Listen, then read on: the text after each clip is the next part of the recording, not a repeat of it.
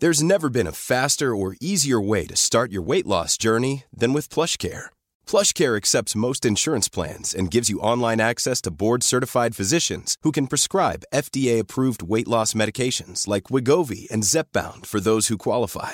Take charge of your health and speak with a board-certified physician about a weight loss plan that's right for you. Get started today at plushcare.com slash weight loss. That's plushcare.com slash weight loss. plushcare.com slash weight loss. Hi, I'm Daniel, founder of Pretty Litter. Did you know cats tend to hide symptoms of sickness and pain? I learned this the hard way after losing my cat, Gingy. So I created Pretty Litter, a health monitoring litter that helps detect early signs of illness by changing colors, saving you money and potentially your cat's life. Pretty Litter is veterinarian developed, and it's the easiest way to keep tabs on your fur baby's health right at home. Go to prettylitter.com and use code ACAST for 20% off your first order and a free cat toy. Terms and conditions apply. See site for details.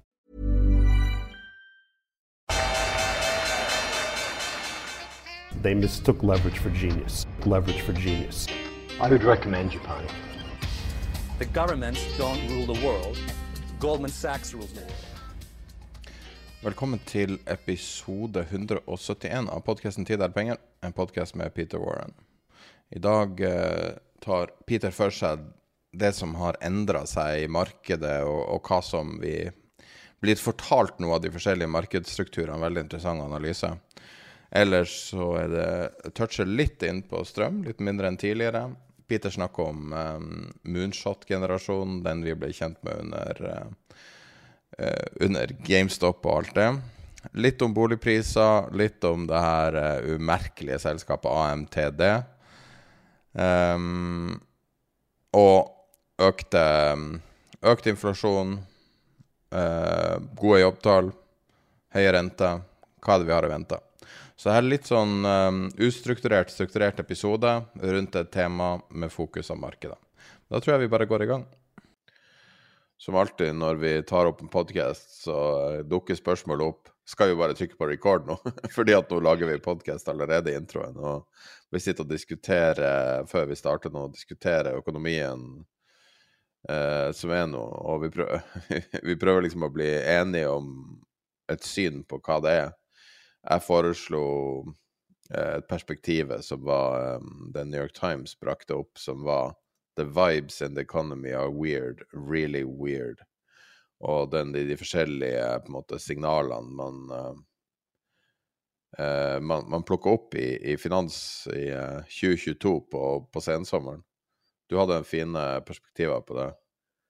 Ja, altså jeg, jeg tror jo at uh, den forvirringen som New York Times sikter til der, den, den ser vi også i i finansmarkedene.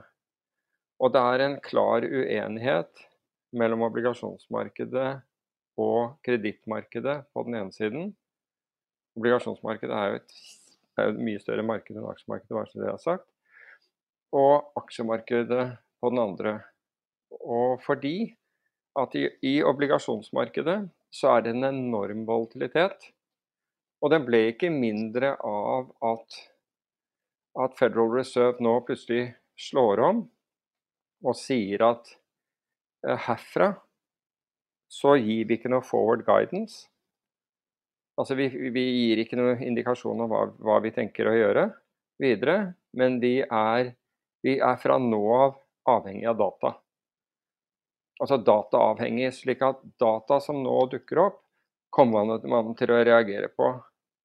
Og dette blir ikke bedre av at Fed-guvernører tydeligvis har fått en ny sånn eh, en ny aktivitet å drive med i helgene. Og det er å komme med, med uttalelser. Og det var samme forrige helg, og det er det samme denne helgen. Kashkari var vel den som var mest aktiv uh, forrige helg, og så har du, har du, flere andre som snakker denne, denne helgen. Og Altså hvis du bare sammenligner det jeg snakket om, da, altså obligasjonsmarkedene har rekordhøy volatilitet. Altså det, det, var en som nevnte, jeg tror det var den amerikanske altså 20-åringen, den TLT, som du, uh, som, som du, kjenner godt til. altså Den som da, som inneholder uh, Dette er en ETF som inneholder statsobligasjoner med med en durasjon, altså, eh, altså til løpetid på ca. På, på, på ca. 20 år. Og der, der hadde du altså, Det var en som skrev The long term US Treasury ETF, TLT, is on a pace for its third 2% move this week. Altså den hadde, og det hadde den. altså Den hadde, den hadde, den hadde tre altså Obligasjons-ETF, altså det er det samme som statsobligasjoner, beveget seg da 2% per dag i tre av de fem dagene i forrige uke. Og det er helt vanvittig. Altså det begynte med en, en oppgang på 2,22% altså Du skulle jo tro at dette var en tech-aksje omtrent. Så var den ned 2,12% Så var den opp 1,57 Så hadde den en rolig dag hvor den var ned 0,03% for å så falle 2,49 Dette er statsobligasjoner. Dette er det som, som pensjonskasser og andre bruker som, uh, bruker som sikker inntekt. Og så svinger det så, såpass mye. Mens aksjemarkedet har mye mindre, egentlig, altså, og relativt sett vesentlig Eh, mindre, mindre, svingninger. Så På den ene siden så har du, du har både markedet for statsobligasjoner, men også markedet for selskapsobligasjoner, altså high yield og investment grade og alt, og alt dette her. Der, der konkursbeskyttelse på disse selskapene øker, mens, men, mens beskyttelse på aksjemarkedet, representert gjennom VIX, som da måler hvor dyre opsjoner er på aksjer, faller og er på, på noe av sitt lave, laveste. Så disse tingene henger ikke sammen. Men på et eller annet tidspunkt så vil de henge sammen. Og, og, da, er er det spørsmål hvilken av disse aktiva-klassene er, det som, er det som vinner. Det er virkelig signifikant. Og, og så kan man si at hva er, altså, hva er det vi skal følge med på? Det er klart at folk følger vesentlig mer med på aksjemarkedet enn de gjør på altså Hvis du, hvis du snakker om uh, uh, avisene, ta, ta, de norske, altså DN, Finansavisen og E24, hva, hva du vil, de følger jo med på aksjemarkedet, men de følger ikke, de følger ikke obligasjonsmarkedet like nøye. og Det gjør at de aller fleste sitter og ser på aksjemarkedet hele tiden. Og Hvis ikke aksjemarkedet svinger veldig, så, så tenker vi at dette her er, er, er ro, rolig. Vi tar på en måte ikke opp signalene fra andre steder. Men for å bare gå tilbake til eh, finanskrisen, så var det jo kredittmarkedene som, som, ga klare indikasjoner på at aksjemarkedet den gangen var, var, eh, var feilpriset. Kredittmarkedene viste en økende, eh, vesentlig økende pris for å beskytte seg mot konkurs, altså obligasjonskonkurser. Aksjemarkedet bare fortsatte oppover helt til det sluttet. Så jeg, jeg syns at man skal se på, altså man skal ta dette signalet. Og noen ganger liksom, hva gjør man? Hva gjør man nå? Jo, altså for de som igjen, for de som har langsiktige porteføljer og balanserte porteføljer og alt, alt, dette her. Helt greit hvis du er langsiktig investor, ikke, ikke få noe som helst panikk over dette. Men hvis du er på noen som helst måte avhengig av disse korte svingningene på den måten at hvis det går imot, så jeg har ikke råd til, til, å, til, å, tape mer. Så f.eks. Så, så ville jeg være forsiktig i denne situasjonen. Det er, um, det er, det er en høyst uavklart situasjon. Og da tenker jeg ikke bare på det som skjer i Ukraina, det som, det som skjer rundt, rundt, Taiwan, som er det geopolitiske, men også alle de tingene som skjer rundt uh, markedene for øvrig. Nemlig at rentene stiger på et, på et tidspunkt hvor vi aldri har hatt mer gjeld. Så en, en renteoppgang f.eks. på en halv prosent eller 1 i dag slår mye mer ut enn det den f.eks. gjorde for 20 år siden eller 15 år siden, eller, eller hva som helst, for da hadde vi mindre gjeld. Men hvordan kan det ha seg at H, HYG og JNK, to high yield ETF-er, ETF-er har mm. mye mindre utslag enn TLT på ei uke? Er, er, det i lys av hvor ustabil situasjonen er med Fed? Er det det som er underliggende? Ja, altså det som først og fremst Altså de uh, uh, HIG og, og, JNK som du refererer til, de har jo da Der er det to elementer, mens i, i statsobligasjoner så er det én. E, I statsobligasjoner så er det egentlig, altså amerikanske, så er det egentlig kun renter. Det er en veldig, veldig, veldig liten kredittkomponent. Det er vesentlig rentekomponenten. Altså Kredittkomponenten den utgjør om du tror USA går konkurs eller ikke. Uh, som er ganske liten, tatt i betraktning at de, de, kan trykke så mye de vil av sin egen valuta. Uh, når det gjelder HIG og, og, og JNK, så sitter de da med porteføljer av, uh, av high yield, altså høyrenteobligasjoner, det vi, det vi, kalte junk bonds, det er derfor den heter JNK den ene, junk, tidligere. Og den har en høy kredittkomponent, men er også, også avhengig av rentebevegelser. Og ulikt Norge, hvor veldig mange gjør fastrentelån, så, så gjør, gjør, man mindre av det i USA, slik at de, er, mer rente, de er mer rentesensitive, disse, disse to. Uh, men, men, du kan si at de er en, det er en måte å, å, å, se det på. Du kan trekke uh, f.eks. HYG i forhold til utviklingen på, på Russell, eller altså Russell 2000, eller, eller du kan gjøre for, for så vidt på SMP 500 òg, selv om de selskapene har er av en, av en, høyere kvalitet. Men viktigere er det å se på CDS-en, altså det du betaler for konkursbeskyttelse på disse. Og da betaler det, det CDX, som er kon konkursbeskyttelse for en indeks av amerikanske eh, høyrenteselskaper. Og når, når, du ser Eh, prisen på den øke, så er det rett og slett fordi man, fordi eh, man, er, med, man er, redd for uh, i økende grad for, for konkurser. Um, og normalt sett, alt annet like, så skal, skal, på en måte den frykten som obligasjonsinvestorer har for pengene sine, spre seg til aksjemarkedet. Men det som skjedde i forrige uke, var jo nettopp at du fikk enorme utslag i, i, i statsobligasjoner. Og, og, de hadde jo steget mye, dvs. Si at renten hadde falt, og så reverseres det. Hvis, altså når, når, de, når, renten faller, så ser du med en gang at det kjøpes risk. Og da er det ikke at man kjøper øh, de, de, de soli, mest solide øh, selskapene på børsen. Tvert imot. Man kjøper de minst solide. så går man, man, går ikke til SMP 500, man går direkte til Nasdaq og direkte til selskaper som har høy gjeld, liten inntjening, om noen, men muligens vil tjene penger i fremtiden. AMC, vi, Coinbase, ja. Uber, Shopify, Robinhood Jeg ser bare på vinnerlista. Ja, men er, jo, men det er nettopp det jeg mener. Altså, det flytter seg direkte dit.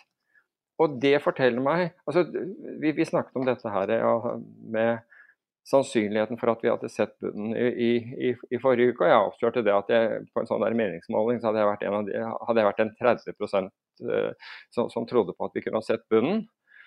Men 70% trodde at vi ikke hadde sett bunnen. Nå har vi steget siden det, og det er på en må måte greit. Men jeg må jo si at jeg føler meg mye mer usikker her enn det jeg gjorde da, enn det jeg gjorde da den meningsmålingen var. Og det er rett og slett for jeg ser disse sprekkene i demningen, altså denne divergensen mellom obligasjonsmarkedet, kredittmarkedet på den ene siden og aksjemarkedet på den andre. Og ikke minst hvordan, hvordan eh, investorene reagerer. Hva du syns om å bruke innsidere som indikator i, i en sånn her sammenheng? Eh, som, de ser jo hele bildet for selskapene.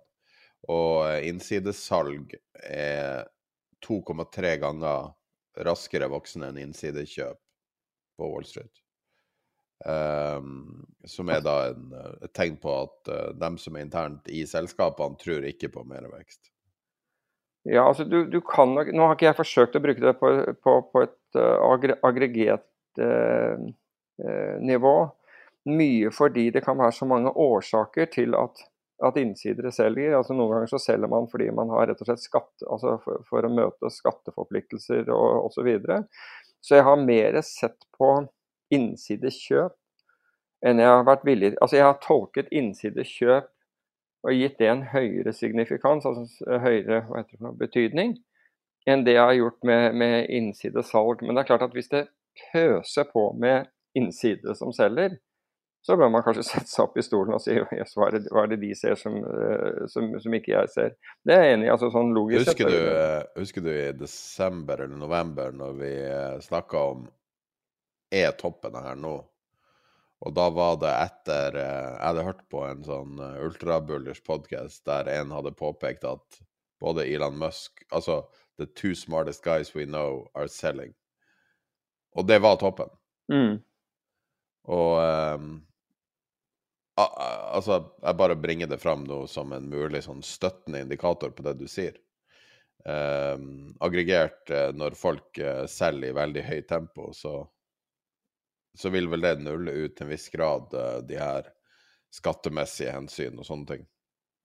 Ja, altså hvis, hvis mange nok gjør det, så, så, altså, så, vil jeg jo lytte til de, så vil jeg lytte til dataene. Jeg vil jo det. Altså, for meg så er ikke det en indikator som jeg sier åh, herregud, nå selger innsiderne.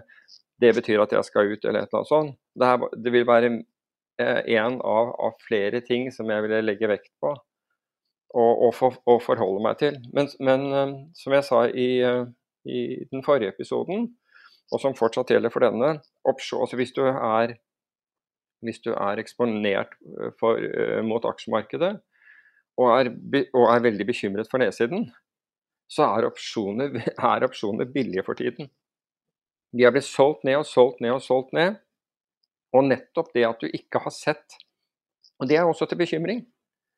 For normalt sett så vil folk beskytte, ha behov for å beskytte seg, så enten så lukker folk øynene for risikoen, eller og det vil være bedre, Alternativet er mye bedre. Eller så har de, har de ikke mer risiko enn de tåler. Og hvis det er tilfellet, så er det faktisk veldig bra. Men altså, nå har jo belåningen i markedet falt gans, ganske mye, men uh, slik at du har fått ut en, har fått ut en del. Det har du nok uh, allerede. Så vi, så vi, får se. Men, men jeg, jeg bekymres over dette. I, uh, jeg, så, jeg, kan, jeg, kan, sende deg den etterpå hvis du minner meg på det. Et chart som, som viser 2000, altså SMP 2008 SMP så, nå. og liksom det, det, følger hverandre så godt, og så kommer liksom den sluttselloffen. Altså, vi er i liksom den siste korreksjonsfasen oppover før vi får en ordentlig ny en på, uh, på trynet. Men, men, for all del, hvis du har en, du har en balansert portefølje så, liksom, og, og, føler at dette, denne risikoen du er langsiktig, så ta det med ro. Eh, sitt i ro. Men, eh, men da kommer vi, vi, vi kommer egentlig, eller det er kanskje en helt grei overgang over til noe som vi tok opp for ja, det er kanskje en måned eller halvannen siden. altså Dette med denne nye generasjonen, altså moonshot-generasjonen. Og og Financial Times hadde en, eh, en artikkel om disse i, eh, i forrige uke.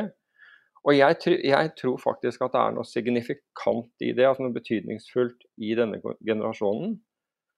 Og at det kan endre eh, Det vil endre måten, altså denne nye generasjonen, endre måten den tilnærmer seg markedene på. Og det er først og fremst aksjemarkedet vi, vi snakker om, kan være råvaremarkedet og krypto inn i det. Men den kan vil da, altså hvis denne generasjonen tar tak, og det er riktig, så, øh, så, vil den, så, vil det ha en betydning for hele markedet, tror jeg.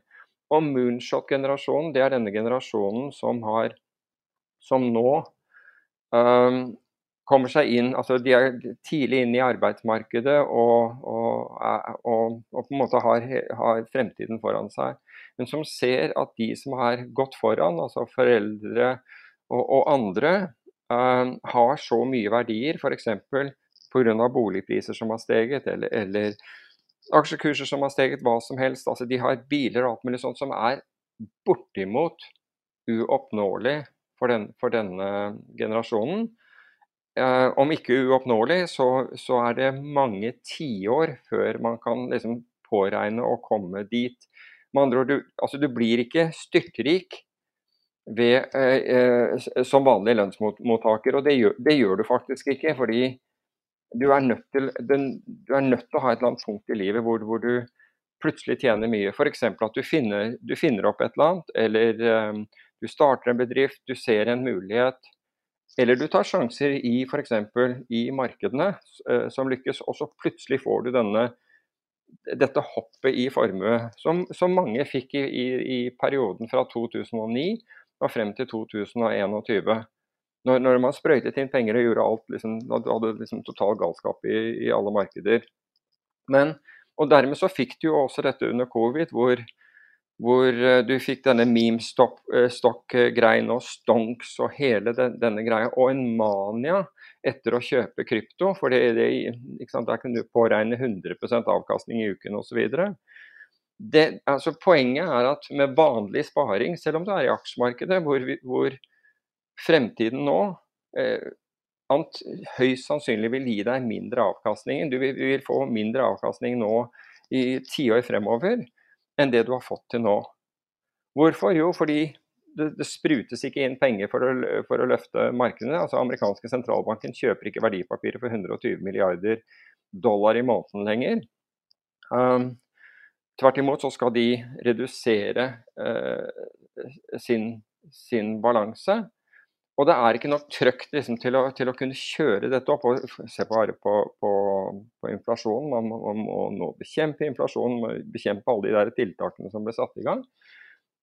Og det gjør, og det er ikke, altså Jeg er ikke alene med det. Nicolai Tangen har uttrykt det samme. Og Anti Ilmanen, som er uh, smartere enn noen av oss, um, han har tidligere sittet i rådet til, uh, til, til oljefondet. Han kommer opprinnelig fra han er akademiker, men jobbet samtidig som han satt i oljefondet, så vidt jeg vet, eller som han hadde en, en, en rolle i dette organet. Så var, så var, han i Brevin Howard, altså en av Storbritannias største hedgefond, og er nå i AQR. Han har akkurat skrevet en bok, han var i Oslo for øvrig. Jeg tror kanskje at jeg, at jeg nevnte det, for jeg var uh, på en presentasjon som han holdt i, i Oslo, som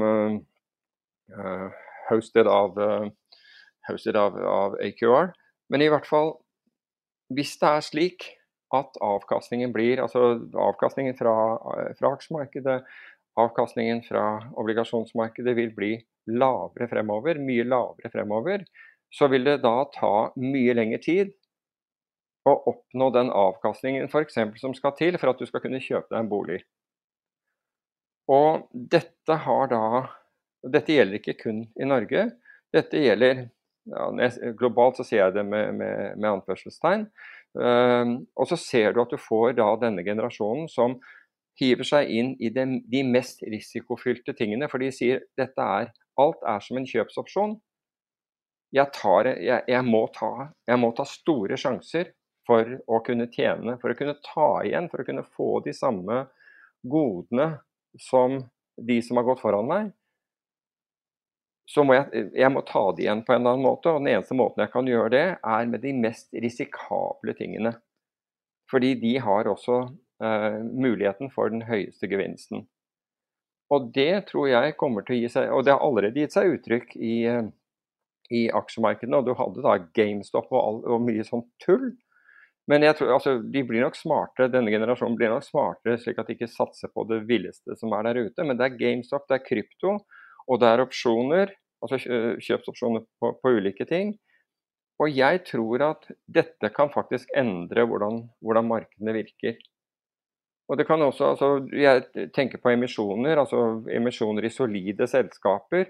Ok, du kan få en avkastning på la oss si 7 eller 4 og, og realrente hvis du kjøper dette selskapet. 4% Når aldri igjen. Jeg får aldri kjøpt en en bolig i Oslo med, med, med 4 avkastning. Jeg, jeg, trenger 40, jeg trenger, jeg trenger 400% avkastning på pengene mine for, for, å kunne gjøre det. Og jeg tror at vi undervurderer den effekten uh, som dette kan ha. Og denne generasjonen blir raskt større. Og du ser den, du ser den for all del, du ser den i Norge også. Du, det var en kar som uh, fortalte han hadde kjøpt krypto, og ut av krypto så gikk han og kjøpte seg en av de dyreste Lamborghiniene. Um, og det er sikkert smart, fordi han omsatte det da inn i realverdier. Og selv om den Lamborghinien sikkert også uh, faller i verdi som, som, de aller fleste biler gjør, så har han i hvert fall fått noe glede og osv. ut av det. Og jeg, jeg, tror at vi, det er det, jeg tror at vi kommer til å se denne, denne endringen i økende grad. at de som ønsker å i anførselstegn spare, kommer til å ønske å ha vesentlig mer krutt i sin eh, investering enn det som har vært tilfellet tidligere. Det er 22 Lamborghinier til salgs i Norge i øyeblikket. Dyreste til 6,5 millioner. Um, det er veldig interessant det du sier uh, om, uh, om, den FT-saken, og, og, at de bringer tilbake uh, de her GameStop GameStop-traderne, og på en måte kaller det en generasjon. Mm. Um, fordi at det her skjer jo samtidig som for, Jeg tror det var Goldman Sachs som sa at, at dem som gruppe er blitt mye mindre viktig. Altså Wall Street Bets og um, og, vi er vel kanskje i et skjæringspunkt der vi får se litt mer langsiktige effekter av den kortsiktige trenden. Eh, har, har, du merka deg i Norge at det her eh, segmentet har vært eh, måte, kanskje mer retta mot eiendom, altså eiendomsinvesteringer? Så ja. norsk eh, Fintwit, der eh, eh, altså et sånn løst samla community via Twitter, der folk dele økonomisk informasjon og, og, og diskutere egentlig personlig velstand. Det er veldig eiendomsfokusert, og gjerne på en måte langt ut på risikokurven, både med hvor mange boliger man kjøper, men også alle måter man, eh, man genererer ekstra inntekt på det. Mm. Og Eh, når du beskriver eh, det markedet du beskriver nå, i Norge, da, syns jeg føler at man ser mest i eiendom, egentlig. Eh, I mye mindre grad i rene finansielle assets. Jeg vet ikke om, om, det er riktig eller ikke, men det er bare en Det markedet du beskriver, høres veldig ut som det, syns jeg. Jo, men jeg, jeg tror uh, altså F.eks. disse Lamborghini som er uh, til salgs, og det at en av lytterne våre som, uh, som rett og slett hadde som yrke å, importere Aston Martiner. Han sa jo at nå var det helt slutt. Altså, det var helt slutt. Det var ikke en eneste eh, forespørsel. Og det tror jeg ikke kommer fra altså disse, disse som har gjort eiendom, de, de tror jeg har, har det greit og, og, og, og, bra fortsatt.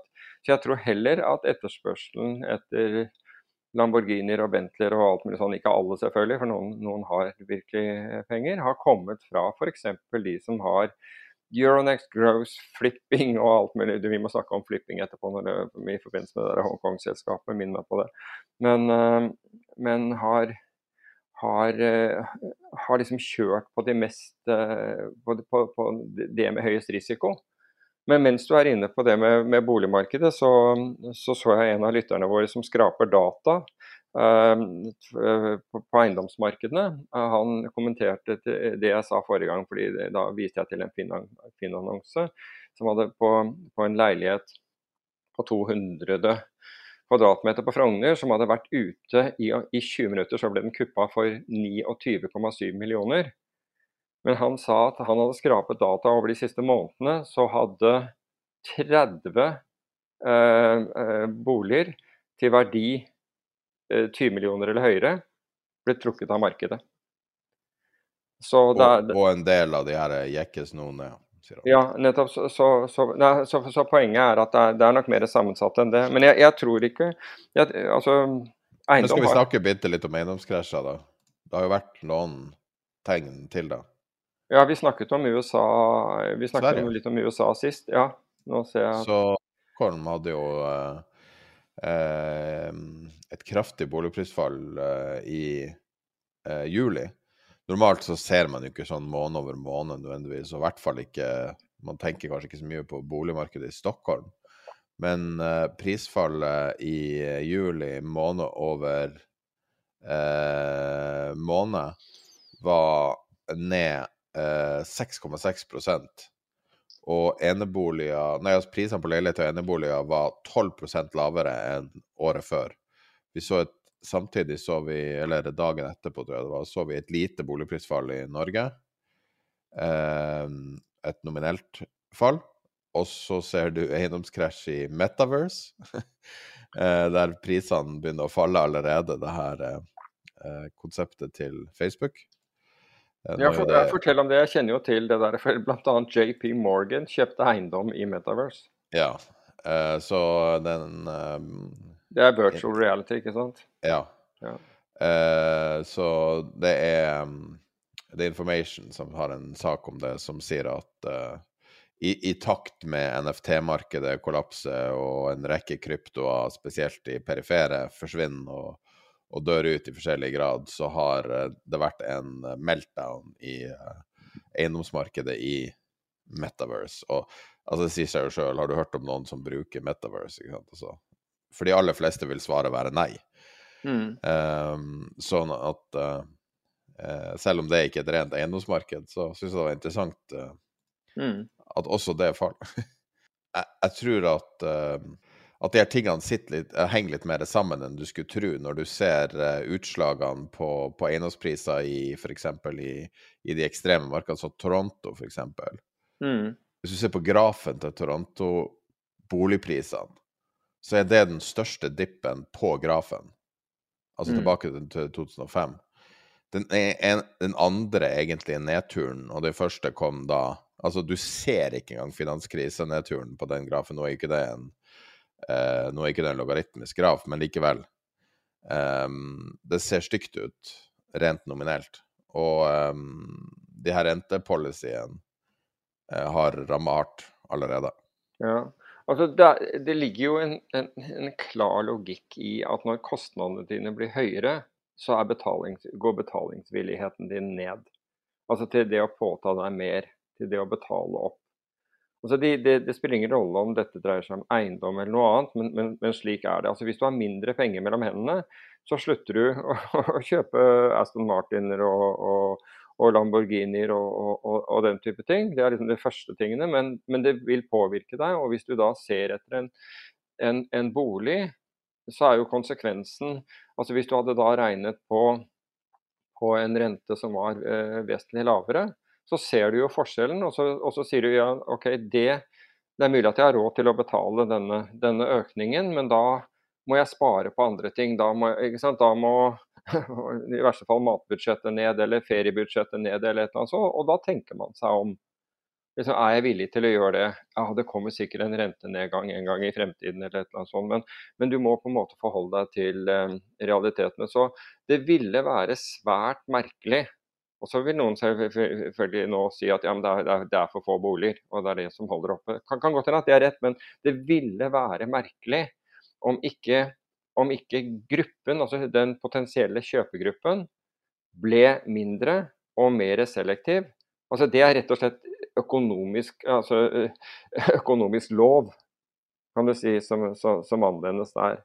Vår lytter som samler data, Mm. eh, som jeg vil jo også si at det er en lytter med høy troverdighet, så uh, full tro Ja, jeg har ikke noen grunn til å tro at ikke Jeg har dobbeltsjekka dataene hans, Ja, så det ser riktig ut. Men han har nylig trukket fram to eksempler i Oslo. Um, vi kan dele noe av det her i nyhetsbrevet. Ikke ting som kanskje spesifis eh, spesifiserer enkeltboliger, men jeg kan si det i episoden, da. Uh, den ene boligen er satt ned 23% fra 11.6. ble den lista første gangen, så 7.7. Uh, og så 6.8. 7.7. ble den relista til samme pris, og nå er den satt ned 23 Og den andre ble lista 31.5., tatt av igjen. Uh, uh, 5.7. relista igjen 6.8., ned 13% Og det her er eneboliger i Oslo-området som Mm. har vært veldig attraktivt, historisk sett. Ja. Så definitivt har vi en korreksjon i det norske boligmarkedet. Selv om du ikke ser det på indeksnivå nødvendigvis så mye, så ser du det på enkeltenheter soleklart. Ja. Altså, dette, er jo, dette, er- dette blir litt som hvis du har langsiktige aksjer. Hvis du sitter på boligen din og, og har en gjeld som du kan betjene i dag, og det spiller ingen rolle om den om, det spiller en rolle for deg, men du vet at du kan betjene den, eh, den, den gjelden du har. Så er det klart så er det ikke noe å være, eh, være bekymret for. Men det du kan være bekymret for, eller, eller det som jeg tror mange er bekymret for, det er at kostnadene øker samtidig som at myndighetene eh, gjør alt de kan for å øke, eh, å øke eiendomsskatt og formuesskatt osv. Og, og da, på- ikke sant, Det er jo flere ting som biter inn her. tenk, altså hvis du øh, hvis, du, hvis du tenker på den situasjonen vi har, hvor vi, vi betaler øh, vi, vi, betaler røftlig sånn 50% skatt. Alt du kjøper har 25 uh, moms. Og så sier man at, og så kommer det, I tillegg så betaler du statlige kommunal, og kommunale avgifter på alt mulig rart, pluss moms. Og så, man, og så, stiger, eh, og så stiger prisene, og så stiger skatten. og så skal du, du, du skal ha da, altså For å kunne betjene det, så må, så må du enten tjene mer, bruke mindre, eller ha spart. Ok? Hvis du har spart, hva skjer da? Jo, da får du formuesskatt. Så hvis du har spart opp for a rainy day, som det heter på, på, på engelsk, da, kan, da, da, da, blir, den, da blir spa, sparepengene dine mindre verdt pga. Uh, uh, formuesskatt. Og så har du betalt for uh, altså Gjennom skatten din så har du betalt for infrastruktur som veier og uh, transport og hele greia, men i tillegg så betaler du da uh, bomavgift, og du har betalt for parkeringsplasser, du, men du betaler i tillegg parkeringsavgift, og så skal du betale miljøavgift. Og så tvinges du over til, til, til elbil.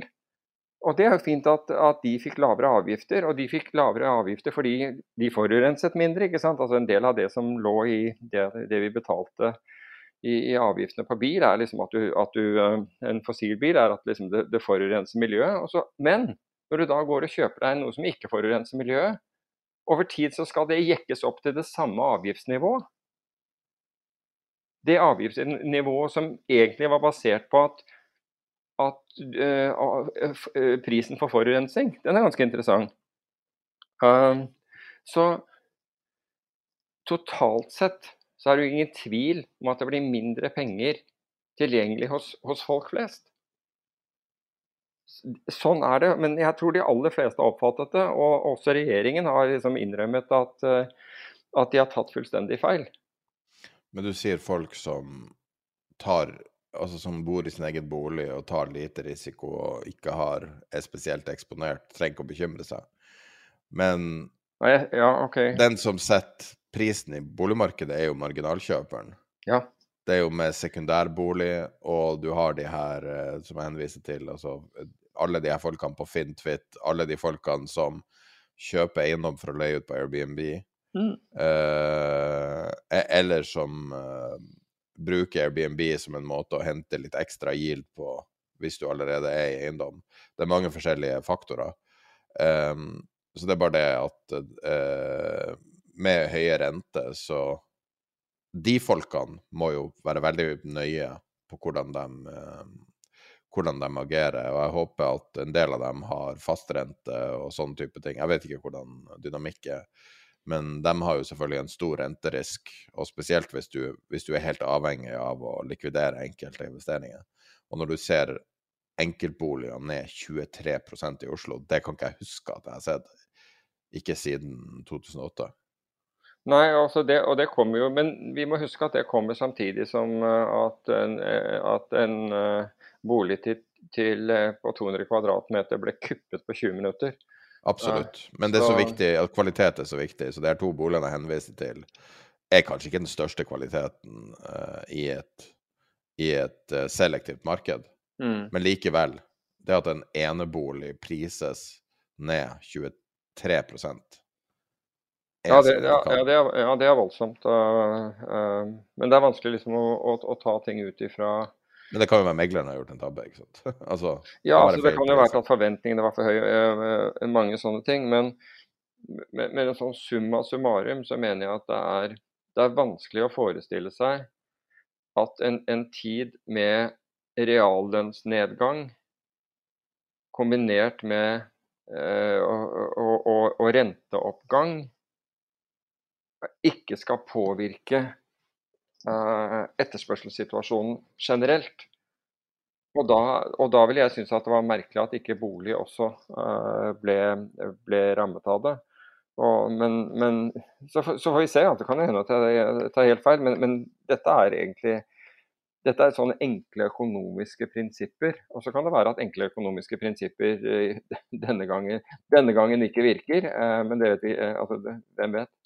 Ja. Nei, det er jo to, to faktorer som også, hvis du tar det videre, da, så ser du på eh, Altså tenker husholdning, så har det jo vært en sånn historie etter eh, covid om at eh, forbrukeren har så mye penger på bok, osv. Og, så og vi snakka om tidligere i år at um, Michael Burry, han uh, som ble kjent fra The Big Short, har hengt seg veldig mye opp i um, måte, regnskapet da, til forbrukeren, og har fokusert mye på at det kommer til å gå i minus på slutten av året.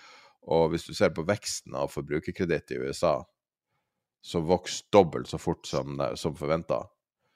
Uh, så ja, er vel det et ganske tydelig signal om uh, at uh, den, den snittfamilien i USA er tom for penger på konto. Ja, det, ja, det, var, det, det var, jo heller voldsomt. Altså kreditt på at, at, du tar ut lån på kredittkortet ditt, rett og slett. Jeg tror det var 40 milliarder, hvis jeg husker riktig, og det var forventa rundt 20. Så, ja, altså, altså, Den hoppet med 13 det er, det er det høyeste, det høyeste oppgangen på, på 20 år. Så Og vi er tilbake i uh, good news is bad news-situasjonen. Uh, samtidig ja. som det skjer, sånn at eh, når du ser utslagene på de gode jobbtallene på fredag, ja. så ser du bare at folk er nå i 100% i en Fed-trade. Og bare mm. håper at tidevannet skal bare snu. og, og, det gjør det jo av og til. Ja. Men um, det kan være lurt å ta uh, tiltak sjøl, og ikke bare håpe. Ja, altså eh, Jeg, jeg syns jo at signalene har, har, kommet i en jevn strøm. Så det er ikke sånn at du, du burde våkne opp en, eh, en, morgen og si å herregud, er det hever man renten? Det hadde jeg ikke tenkt, det hadde jeg ikke sett komme. Eller oi, nå har, nå har prisene gått opp. Det, det, har jeg ikke hørt om. Vi er jo ikke der. Altså, det er jo bare å ta, ta ting inn over seg. For de aller fleste, altså de som har skjøttet sitt bo, og dvs. Si at de som ikke har en vanvittig gjeld i forhold til sin, eh, sin inntekt og inntjening, de OK, de, du, får mindre, du, får mindre, penger mellom hendene, men, men, men du, du, overlever. Og det er så, så, du kan si at Og alle sånne ting som vi er, går igjennom nå, gir muligheter på et eller annet punkt. Det gir muligheter. Det skaper nye muligheter. Og noen ganger så, så er det Og det er det som egentlig er veldig bra. Det er at folk som da ikke har hatt muligheter tidligere, folk som ikke har sett muligheter tidligere, folk som ikke har villet være med på, på ting fordi de har syntes det har vært for, for risikofylt. Plutselig er det noen som ser muligheter og skaper nye ting. Og det ser du helt på toppen også. Du ser det på store selskaper. Ikke bare startups og ditt og datt og nye oppfinnelser og gud vet. Men du ser jo at uh, store bluechipper og store tech-selskaper gjør store investeringer nå. Mye CapEx, store enkelt, uh, mm. enkeltkjøp. Uh, du ser jo i krypto store oppkjøp av selskaper. Altså det er mye det er, det er mye CapEx, det er mye uh, utbytte. sånn at det Det skjer ting. Det, det skjer store økonomiske handlinger fra de store selskapene som kanskje vil være positivt framover. Jeg vet ikke jeg, jeg, vet ikke om det veier opp for f.eks. Rente, renteoppgang, om det veier opp for et, et haltende eiendomsmarked. Om det, kanskje det gjør det. Og så er det det der at det, er, det, har tydeligvis vært ekstremt gode tider. at Jeg leste nå for en dag eller to siden av en, en advokat av 31 år, og han bestemte seg for å bli hjemmeværende. Altså Han pensjonerte seg i anførselstegn for, liksom, for, for, for, familien. Hadde jobbet, han hadde jobbet så, såpass mye han at, eh, at, nå var det på tide med Når du er 31 år og kan, kan gjøre det, da, da det er det jeg sier. Advokatbransjen har det, der har de, det, har, har de hatt det ekstremt godt. Og det bør de, altså de burde, det bør de takke myndighetene for. Som har gjort det så vanskelig altså, som har gjort det så vanskelig at du nesten må ha advokat for å søke førerkort. Det er liksom, det er helt håpløst. Så og da, Hva du syns om eh, syns du om Michael Saylor og alt det der kaoset i Microsoft? MicroStrategy? Han går av som sjef. Jeg så det der, men han, han blir jo i selskapet og, og hele greia. Likevel, altså. Ja, det er merkelig, men jeg, jeg aner ikke. Altså, men er det selskapet, er, er ikke det kun bitcoin, da? Jo, de har vel tatt et, et regnskapsmessig tap på bitcoin også. Det henger vel sammen med det, skulle jeg tro. Ja. Men er det ikke det det har? Så, så du kan si at reelt sett, så hvis du kjøper MicroStrategy, så, så kjøper du bitcoin. Eller hvis du kjøper opsjoner på MicroStrategy, så kjøper du reelt sett bitcoin. Ja, mer eller mindre. Ja, nettopp. Så Nei, jeg, jeg vet ikke. Uh, uh, jeg, jeg registrerte, men jeg vet ikke helt hva jeg skal liksom tro, tro om det. Uh, Men det er så slutten på en æra på flere ting. Du har Michael Saylor går av som sjef. Ark tar tap på Coinbase. ja, så du noe Ja, og hva gjorde Coinbase etterpå? Bouncer som bare det. Jeg gikk ikke opp nesten 50 da. Det var helt sykt. Men uh, vi snakka jo om ARK som en mulig investering i forrige uke. altså sånn bare lengst ut på risikokurven. Mm. Og, eh, og den er jo oppe også, så, Ja, akkurat. Men, ja, så altså, al- alt er opp som er høy risk. men, men det ja, jeg hadde nettopp. er ikke det her et bear market rally, altså? Jo, men, men eh, altså, når ARK altså ARK bansa vel 11 var det ikke noe sånt noe, eller noe sånt noe i forrige uke. Men, men det jeg ikke helt skjønner, er at hvorfor? Hvorfor tok de tap på, på Coinbase? Altså, det, Coinbase må jo være midt i blinken i forhold til det Cathy Wood har uttalt uh, tidligere. Så hvorfor, hvorfor selger eh, med, med mindre det var innløsninger. Men så vidt jeg har forstått, så har det jo vært tegninger i det fondet, fremfor, altså netto tegninger fremfor innløsninger. Men, så jeg var litt sånn, jeg lurte litt på det der hvor, hvorfor. altså Et long only-fond pleier liksom ikke å selge, men, men med mindre du har oppdaget noe som, som fullstendig endrer forutsetningen du hadde for å, for å investere i. Men altså, så fort hun har solgt, så, så, så selskap, går selskap opp 50% Det må jo virkelig føles som et slag i ansiktet. Uh, det, var det, det kan jo være det vi snakka om forrige gang med Coinbase, som var den SEC-saken mellom At det kan være årsaken, at det var eh, juridisk sånn, ja. risk. Ja, nettopp. Eller regulatorisk risk. Ja, det kunne det vært. Eh, så, så det er i hvert fall eh, trukket fram som en mulig årsak til Ja, salget. ja, altså, så, er u, så er det jo ikke helt usannsynlig at uh, Cathy Wood vet mer om det enn det vi gjør, for å si det på den måten. ja, selvfølgelig. Og, og ut, ut ifra det sier at dette her vil jeg ikke. Altså det, dette vil vi ikke være investert i. Det, det har du rett i. Det kan jo være en mulighet uten at vi vet om, om det er en uh, At det er en mulighet.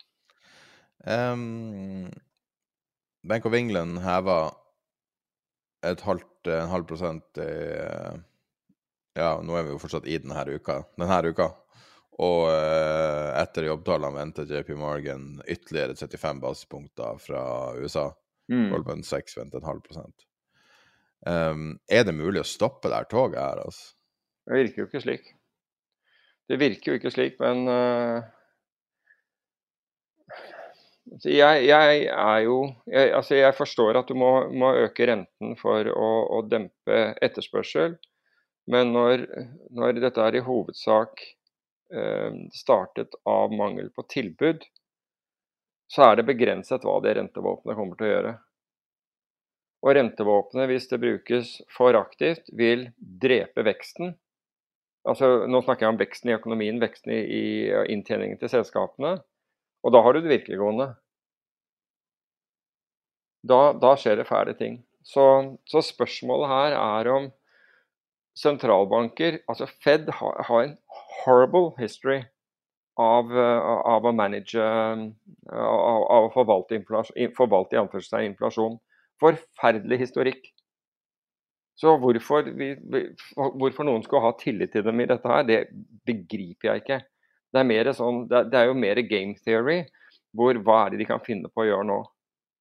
For dette her er jo som, som å kjøre med eggeskall under gasspedalen. Altså, du må være så hårfin på dette og, og, og, og, reagere umiddelbart på, eh, på endringer. Så altså, alt viser jo, og ikke minst den siste, at man skulle ha tillit til Powell her, som fullstendig overså alle signaler.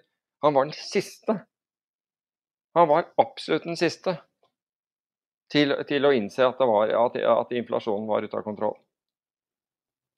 Men det er vel litt sånn her ønskedrømmen alle lever med, da? Hva da? Nei, om at alt skal gå bra.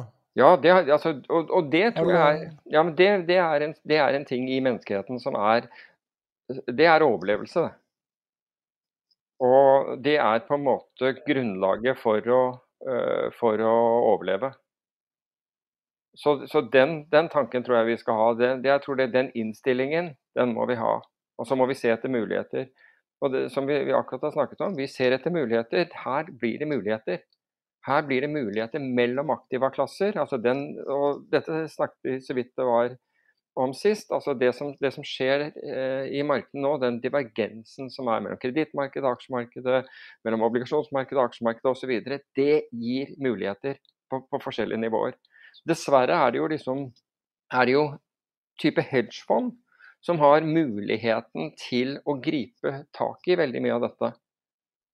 Og, og da må du ha dyktige eh, forvaltere. Og jeg må jo si det der at over de siste 10 15 årene så har det blitt utvannet voldsomt. Fordi det du egentlig har fått, er aksjefondforvaltere som, som, eh, som belåner porteføljen. Det er stort sett det du har. Og, og bare se på og det kan Du også, du ser det soleklart på den, på, på, på den norske hedgefond. Eh, de norske hedgefondene som er på, siden til Hedge Nordic. Der ser du soleklart hvilke som er aksjefond, og hvilke som er hedgefond. Helt, Det er så tydelig. Går markedet opp, så går de opp. Går markedet ned, så går de ned. That's it, that's that. Liksom ferdig med det. Så du kan liksom eliminere umiddelbart kan du, ta, kan du trekke fra ti, i hvert fall ti av de 22 selskapene og kalle de aksjefond med, med giring. Ferdig. Ikke bare det, du har forvaltningsselskaper som har tre forskjellige fond, og de går alle parallelt. De beveger seg i tandem. What's the point? Hvilken diversifisering har du av det? Hva syns du om etikk og investering? Syns du det, henger sammen?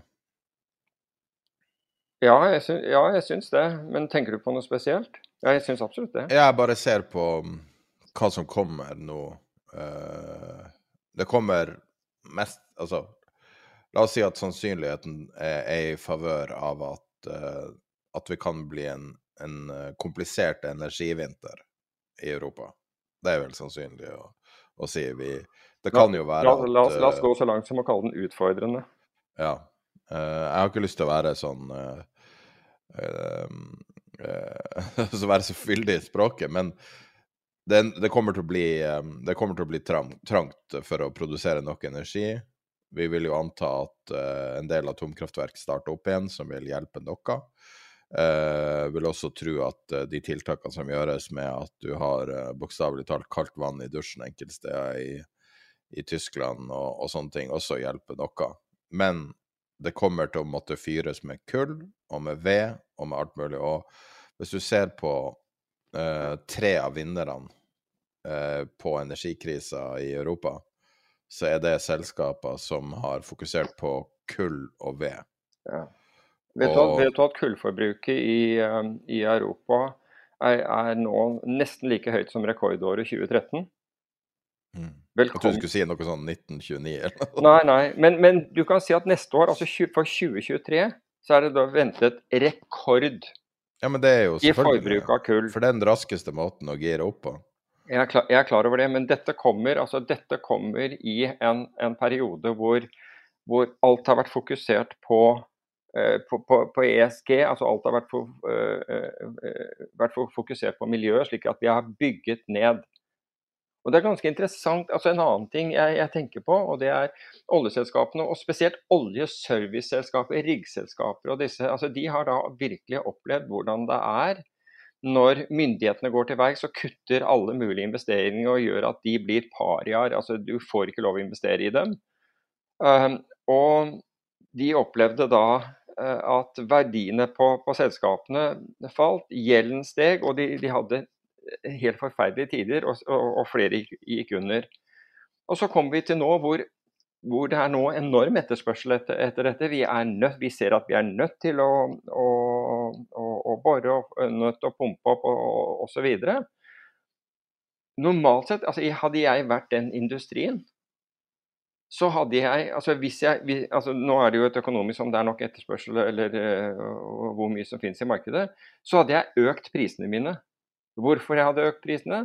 Det er fordi jeg ville Altså det er så risky å være i denne bransjen fordi To minutter senere så finner myndighetene på at nei, nå skal vi bygges ned igjen, og, og dere er you're left uh, on your own. Ta dere av deres egen gjeld. Det er ingen som kommer løpende til med 200 og 850 millioner kroner når du skriker i, i, i den bransjen.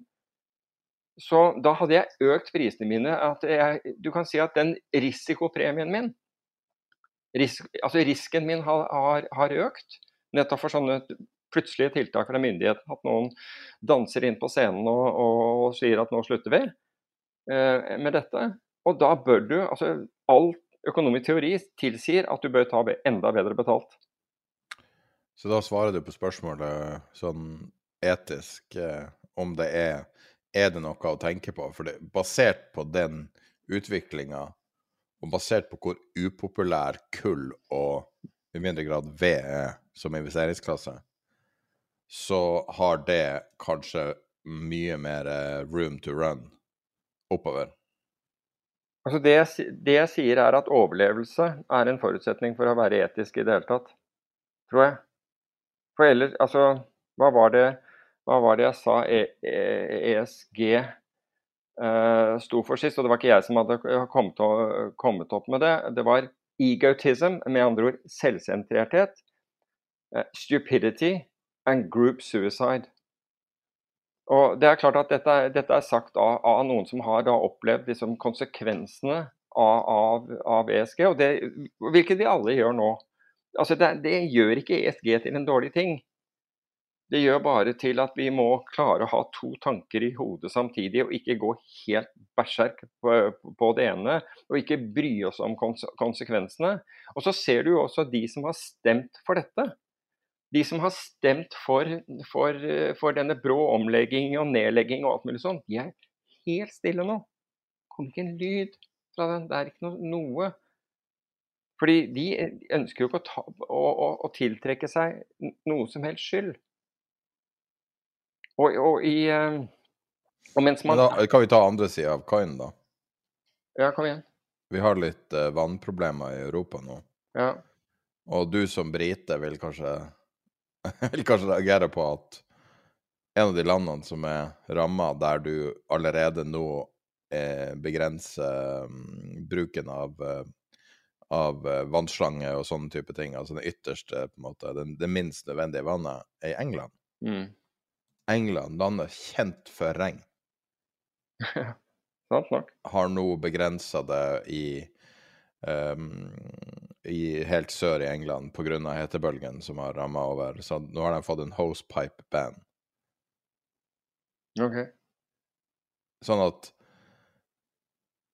den realiteten der er vel det som kjemper mot det du snakker om nå. Du sier ESG er forferdelig.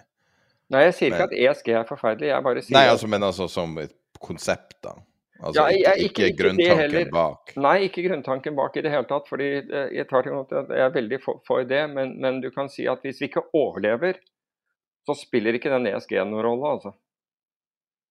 Um, og, og, hele har med at, ting, at det ble populistisk, politisk populistisk, og, og, og utøve, altså kjøre disse tiltakene brått og brutalt uten konsekvenstenking. Og, og, da må vi også begynne å tenke på hvem er det som styrer Altså de som tar disse avgjørelsene.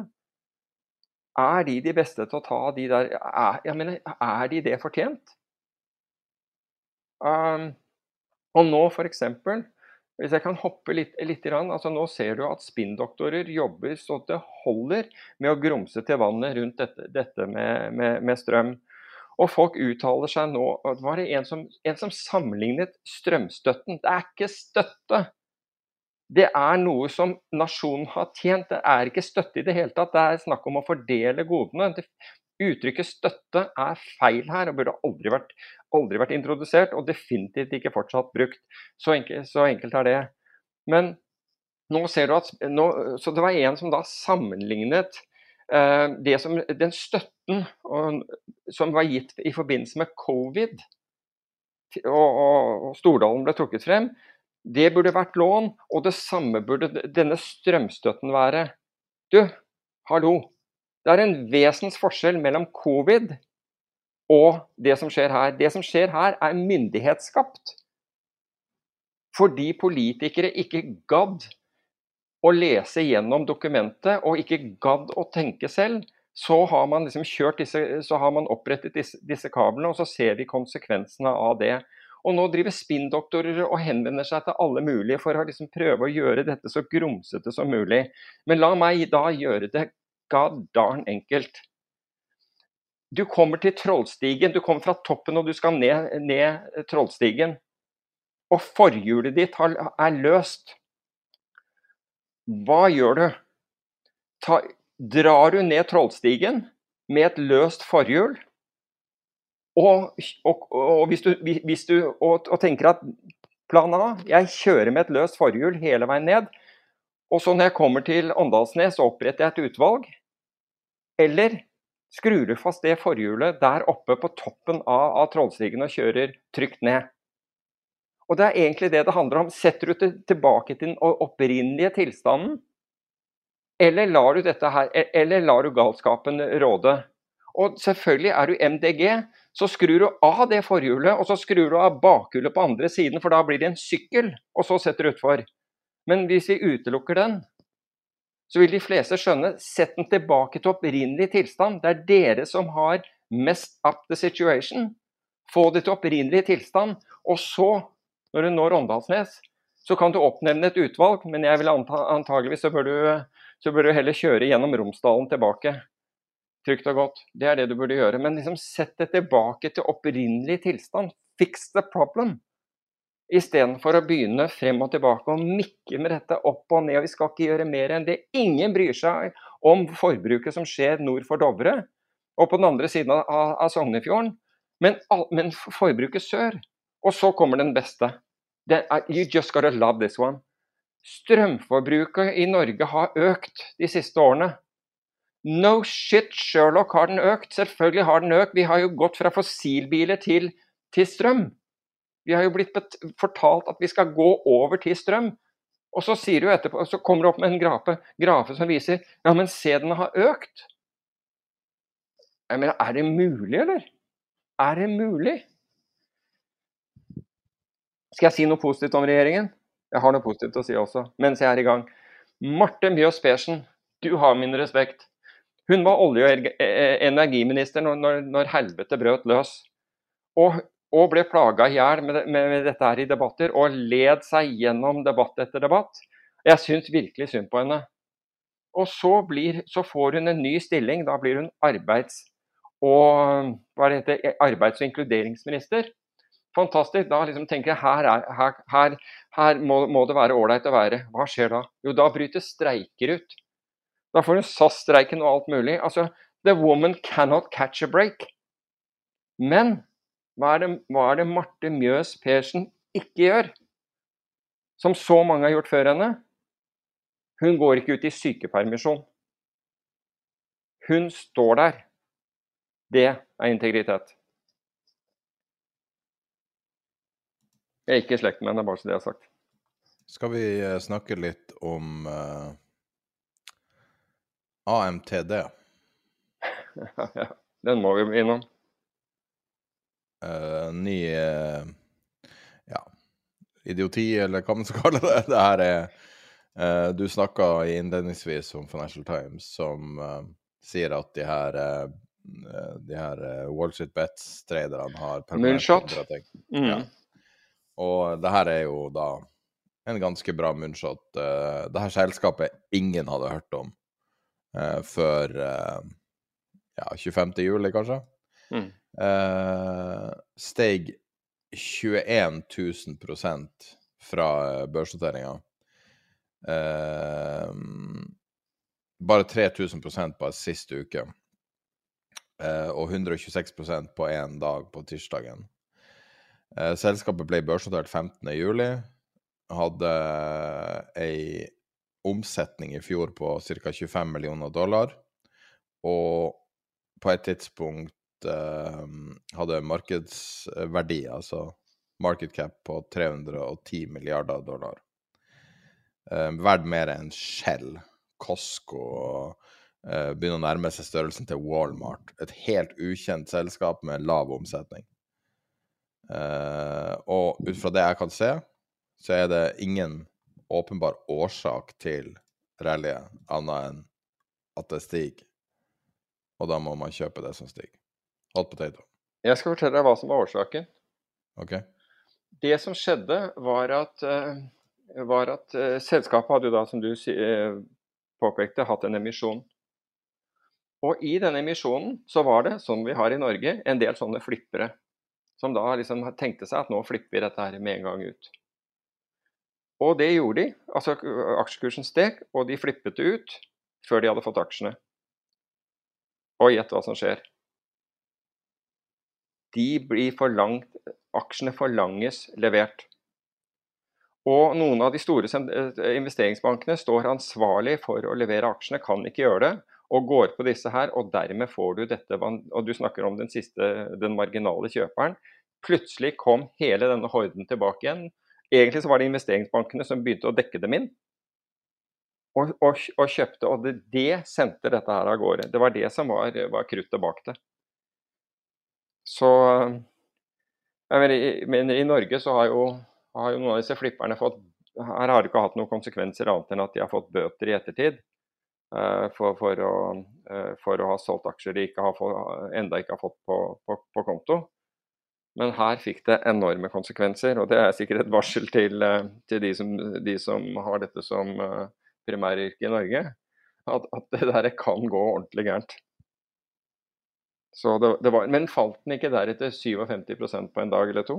Jo da. det- Men, men har fortsatt Den, fikk en verdi halvert, eh, har Ja, så- hentet, halvert verdien fra toppen, men er fortsatt opp. Ja, altså. Han som står bak det, hva var det han kom fra? Altså, men Han har vært i finans til er han, han Kommer han ikke fra, fra poker eller et eller annet sånt? Såpass, ja. Jeg tror det, men Og så har han vært innom finans, og så drev han et hedgefond som gikk nedenom og hjem, lurer jeg på. Og så begynte han dette her. Så det er liksom en sånn Det en sånn Det skulle være en, eh, et finansforetak. Og plutselig får dette finansforetaket, da, som er, har null, verdi verdier, det får Blir ikke omtrent verdsatt likt med, med Goldman Sachs? Altså, jeg, jeg mistenker at en del av det her appellen til eh, de Wall Street Bet-folkene er navnet. Det er nesten AMD. og, det tror jeg nesten er nok. Ja, det er eh, AMTD. sånn. Altså, AMD er jo en gammel helt blant sånne tradere. Men det er likevel eh, rart at et, ja, ja, et, De rareste ting skal til for å fange oppmerksomheten deres. Men, at et eh, sånn Hongkong-selskap eh, f- får så mye trøkk. Men greit nok. Ja. Nei, altså det er ikke så mye å si om det her. Det her er jo bare en mania, ikke sant. Men uh, um, det er jo lenge siden vi har hatt sånne, sånne dager. Så- Ja, ja. ja, ja. For, for all del. Men, men det betyr også, det er også et signal om hvor mye At det er kapital tilgjengelig, eller kreditt, eller hva du vil, tilgjengelig i markedene fortsatt. Altså Det er en abundance av money, siden noen kan drive og kjøre på sånn som, sånn som det fortsatt skjer. Og, og Og da, en abundance av idioti. Ja, det kan, du også, det kan du også si, men da er ikke ting ristet ut. Det er, det er akkurat det som er, er, litt av, eh, er litt av poenget. Så Det skal vi runde av med å snakke litt om uh, the elephant in the room. Da mener jeg det globale rommet, som er Taiwan, Kina, USA. mm, Så hele, jeg holdt på å si hele Russland 300 000 russere satt og fulgte flighten til uh, Nancy Pelosi uh, på eh, Flightradar. Flightradar gikk ned som uh, nettside med jeg, hadde, jeg satt og fulgte, fulgte den landinga, da var det eh, 40 minutter ventetid for å åpne Flightradar. oh, wow. Eh, Flightradar 24. Og, um, og da fulgte jeg en kar som streama det. Det eneste han gjorde, var å filme skjermen sin, som visste utviklinga til flighten. Og da han hadde 55 000 seere på den uh, streamen. Oh, wow. Og uh, Altså, det så ut som det der eh, det der flyet hennes fløy omtrent mellom jagerflyene til Kina.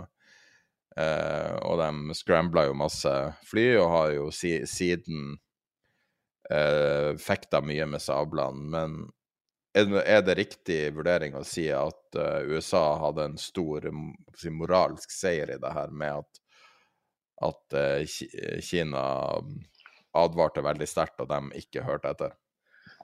Ja, altså det er opplagt så har uh, USA Men jeg er ikke sikker på om det er USA eller om det er Nancy Pelosi, for angivelig så, så var ikke Biden veldig, veldig for, for dette. Så Nancy Pelosi trumfet vel dette her igjennom, slik jeg forstår det selv. Men det er noe som det er. Og ja, foreløpig er det jo det. Men jeg, det virker jo nesten litt infantilt på meg, det som altså Reaksjonen til kineserne med å kjøre landingsøvelser og avfyre raketter og, så, som lander i, i i havet utenfor Japan. Altså det er liksom sånn Det er jo litt sånn nå Ja, nå kjører vi opp fyrverkeri. Nå skal du se hvor mye fyrverkeri vi har. Oi.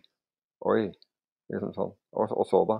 En lytter, en lytter sendte oss et tips som heter et Wikipedia-artikkel som er veldig artig, som heter 'China's Final Warning'.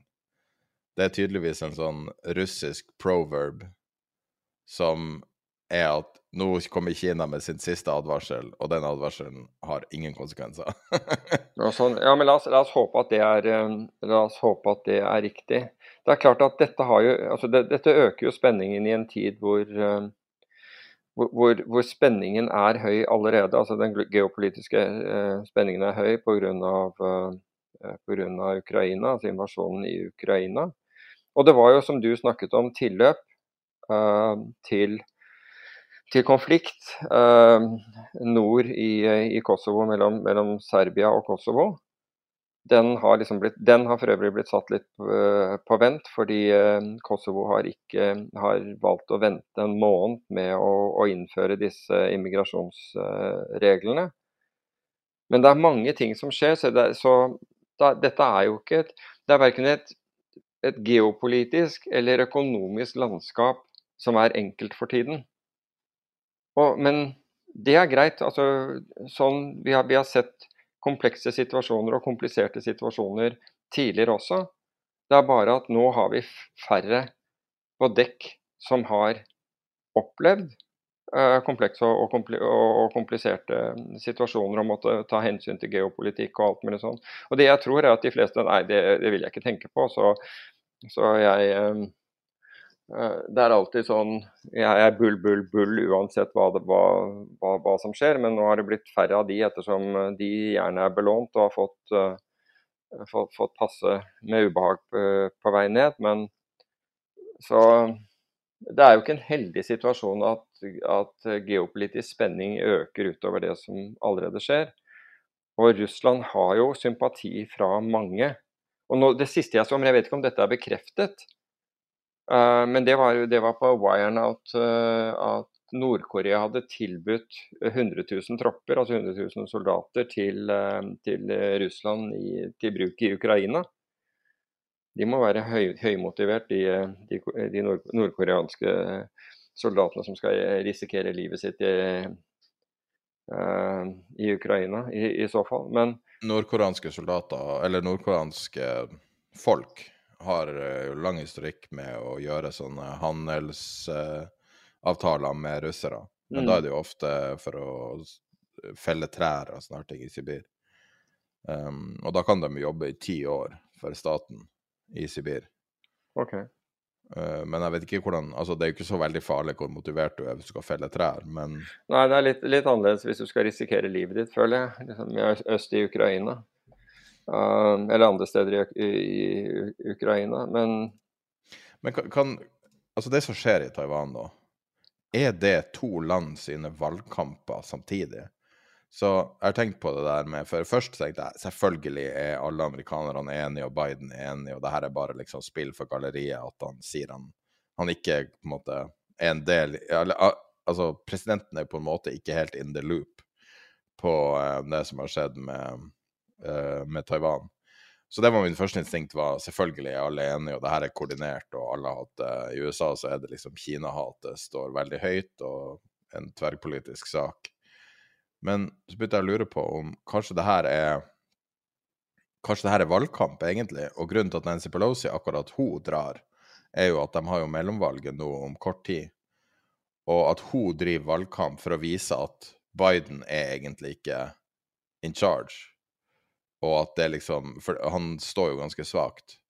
Og så på den andre side så har du den her kampanjen, eller den um, uh, det her partikonferansen som foregår omtrent samtidig som USA har mellomvalg på kinesisk side. Og at dem driver Altså at Xi Jinping driver sin valgkamp og skal slå hardt tilbake. Jeg vet ikke om, om, det er det vi egentlig ser nå, altså at det er mange som prøver å vinne sympati lokalt. Ja, altså, jeg tror absolutt at det er valgkamp. Jeg tror du har helt rett at det er, at det er eh, valgkamp, uten, uten tvil. Um, så det er, eh, at det teller inn i dette, det, det er jeg overbevist om at, uh, at det er. Så, så, så der, der, tror jeg at, at, du har helt rett. Poenget er jo at dette gjør, det gjør kloden mer usikker, dessverre. Men hva, skjer med alle amerikanske selskaper som har store virksomheter i Kina? Ja, Det vet vi ikke ennå, men kineserne har jo, de har jo begynt å eh, de har, jo, de har jo lagt eh, problemer for Eh, for taiwanesiske selskaper, altså redusert import derfra. Så det er jo godt mulig at, at det skjer noe der også.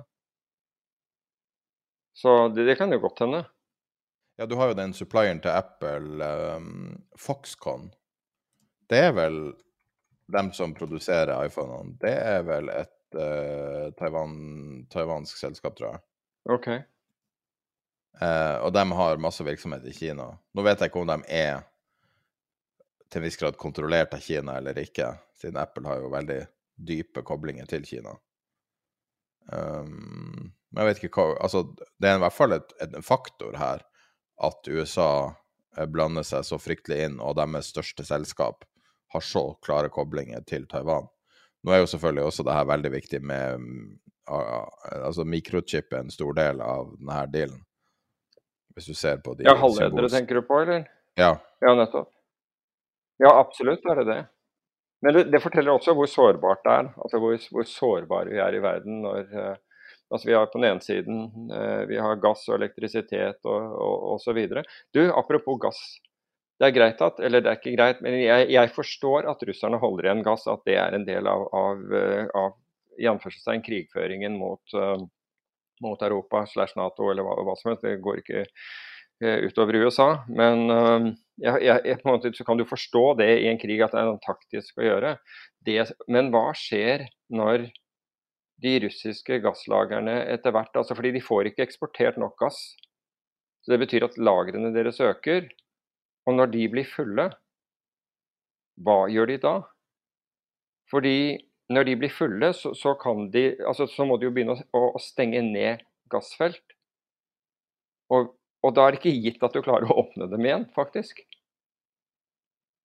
Så det, det er faktisk ikke, det er noe vi ikke har vært inne på, men, men som, som, slår meg at, at på, et tids, på, et eller annet tidspunkt så blir dette et, et problem for russerne å holde, til, holde, denne gassen tilbake. Fordi det er ikke nok rørledning det er ikke nok kapasitet til å flytte dette østover, eh, så mye gass østover.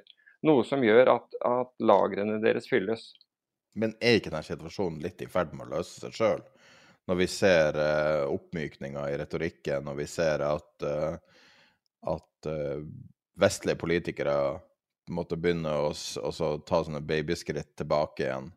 Altså gå litt tilbake igjen på retorikk, litt tilbake igjen på sanksjoner. Selv om på en måte store headline er fortsatt at man er knallhard med russerne, så virker det jo ikke så knallhardt som det var for to måneder siden. Nei, jeg er enig i det. Det er, det er noe mindre. Um, og nå er jo den hva var det, den, den gassturbinen var ikke den ble, ble overforhalt i den russiske gassturbinen. I Canada. Ja, nettopp. Og så ble den, men så ble den fraktet via Tyskland alle steder til Russland. Men, ja, og så var jo spørsmålet om det her var Om sanksjonen påvirka den turbinen eller ikke. Og, og, Putin prøver jo selvfølgelig å bruke hvert eneste kort han har, og spille det hardt. Men uh, mm. hva du hører om uh, Ukraina nå? Uh, sånn som jeg ser det, altså det er de kildene som, som vi har tilgang til, altså kollektivt og alt, og åpne kilder sier at uh, Ukraina holder tilbake bra, og de her HIMARSene de har henta fra USA, mm. at de har nøytralisert veldig store deler av uh, russiske trusselen. Ja, det, det, er nok Altså, du kan si at den, denne krigen går jo ikke som, som Russland hadde forutsett. Uh, i, i, så fall skulle den vært over, som, som Putin angivelig virkelig trodde, på tre dager. Og så ser du hvor vi er nå, seks måneder senere. Eh, det, det, blir vanskeligere og vanskeligere å kalle dette her en spesialoperasjon.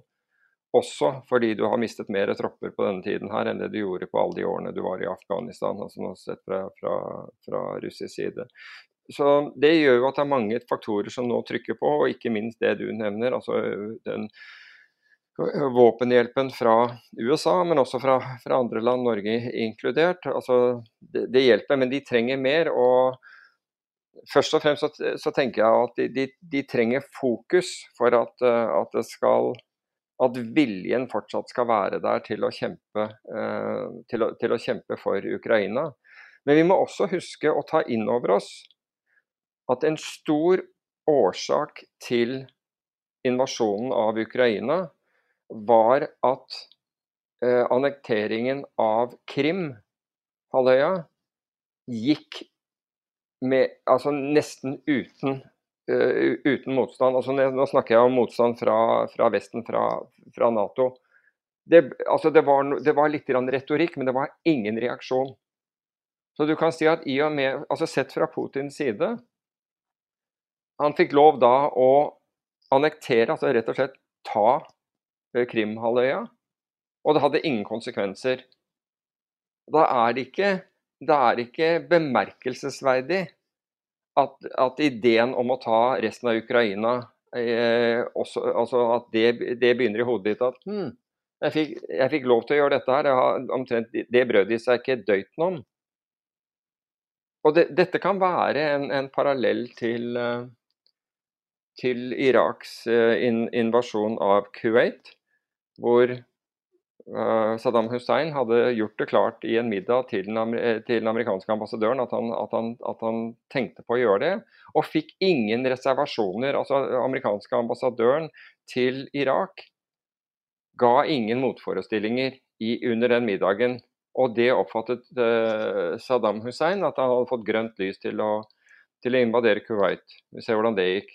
Men noe tilsvarende. altså Jeg føler jo at dette en, en, har en viss parallell uh, i, uh, i, anatomi, om du vil, til, til det. Og, men nå er vi her vi er. Og, og hvis, hvis, Europa nå slår sprekker og jeg, jeg, tenkte jo på det da, da uh, du påpekte den økende, en økende konfliktsituasjon mellom serbere og og, og, eller mellom Serbia og Kosovo, så, så, tenkte jeg på dette. Nå prøver man å lage noe sånt, altså nå prøver man å opprette noen sånne konflikter rundt omkring. Til, til slutt så, så, kapitulerer på en måte EU og Nato fordi eh, det er så mye, vi kan ikke drive med alt dette her, dette koster for mye.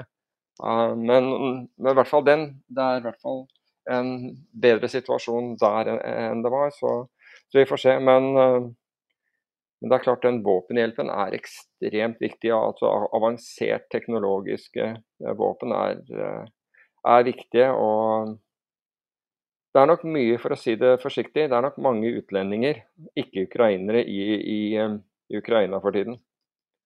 Som, som, som, hjelper til både med teknologi og andre ting. Ja, det er mye pensjonerte soldater. Ja. Jeg vet ikke om det er pensjonert i anførselstegn eller ordentlig pensjonert. Nei, det er, det er, mye hjelp, for å si det på den måten. De har mye hjelp. Så Men eh, det er jo the, the Western Resolve dette her handler om. Så kan vi kanskje avslutte på en uh, skikkelig trist nyhet. Oi. Som er de store ofrene når det kommer til økte bensinpriser. Rike yachteiere utenfor New York. Virkelig. New York Post hadde en artikkel om det. Oh, poor thing. Yacht owners moan they're getting hit by stubbornly high diesel prices. Ja, jeg hører jo at eh, Altså, eh, det er jo eh, Er det ikke slik, apropos, men i Norge så, så hyttefolk skal ikke få rimeligere strøm. Så Altså, hvem er, til, ja, hvem er det som kommer til å lide? Jo, det er hyttefolk med innlagt strøm nord for Skedsmokorset, vest for Solhøgda eller, eller syd for Liertoppen. Altså hvis du tenker på bommer og alt mulig sånn. Da får du strøm, bom, renovasjon, eiendom og, og formuesskatt. Økt moms på, på hei, heiskort er det neste, og bomavgift på oppkjørte langrennsspor. Altså, what the hell? Ja, og så får du den der nye skatten, den der eh, skatten som eh, hvis du eier ei leilighet, så blir du beskatta som om du leier den ut. Ja. Uansett om du ikke gjør det. Ja, det er også fint. Er For å ta fint. folk fra å eie fly og diverse ting. Ja. Men, men, det jeg, men det jeg gjetter, det, det jeg gjetter at, det, at det, det er jo ikke hyttefolk med innlagt strøm nord for Skedsmokorset. Det blir nord for Mylla, tenker jeg. For der har du altså Arbeiderpartiet, det er veldig mange av disse pantene som har, eh, som har hytte på Mylla, så jeg tipper at det blir akkurat nord for Mylla. Det gjelder vel fra Gran på Hadeland. Der, der får du ikke noe hjelp, og der får du bommer. Så nei. Så hytteeiere i Norge, det er liksom en ny luksusklasse. De skal ikke ha noe hjelp. Nei, men det er jo selvfølgelig, hvis man ikke kaller det hjelp og kaller det refundering, så er det noe helt annet. Det- Retorikk og semantikk av og til betyr veldig mye. Ja, det gjør det. Og, og, og, og igjen er det som jeg sier, altså, nå kommer Arendalsuka. Liksom, disse spinndoktorene jobber i, eh, jobber i høygir for å Jeg, jeg syns for øvrig det var rart at de ikke kom på banen tidligere, men nå, nå meldes det at de jobber på høygir for å grumse til vannet mest mulig rundt strøm, slik at det ikke skal være så klart som det er for, eh, for de aller fleste. Men uh, jeg syns det der Kjørnes, Kjørnes eh, er et godt eksempel. Hva gjør du? Skrur du til hjulet eller først? Eller, eller tar du sjansen med familien i bilen og blåser ned Trollstigen med et løst for forhjul? Jeg tror, eh, enk, jeg tror et enkelt svar på det, og jeg tror et enkelt svar hva du, hva, hva du burde gjøre med, med, med strøm, i hvert fall på, på kort sikt. Men da kan vi kanskje runde av eh, dagens episode med det. Og så er vi tilbake eh, neste mandag eller tidligere hvis vi har noe ekstraepisode på Patron. Høres det greit ut? Høres greit ut. Ha en, eh, ha en fin uke. Hi, I'm Daniel, founder of Pretty Litter. Cats and cat owners deserve better than any old fashioned litter. That's why I teamed up with scientists and veterinarians to create Pretty Litter. Its innovative crystal formula has superior odor control and weighs up to 80% less than clay litter. Pretty Litter even monitors health by changing colors to help detect early signs of potential illness. It's the world's smartest kitty litter. Go to prettylitter.com and use code ACAST for 20% off your first order and a free cat toy. Terms and conditions apply. See site for details. Even when we're on a budget, we still deserve nice things. Quince is a place to scoop up stunning high-end goods for 50 to 80% less than similar brands.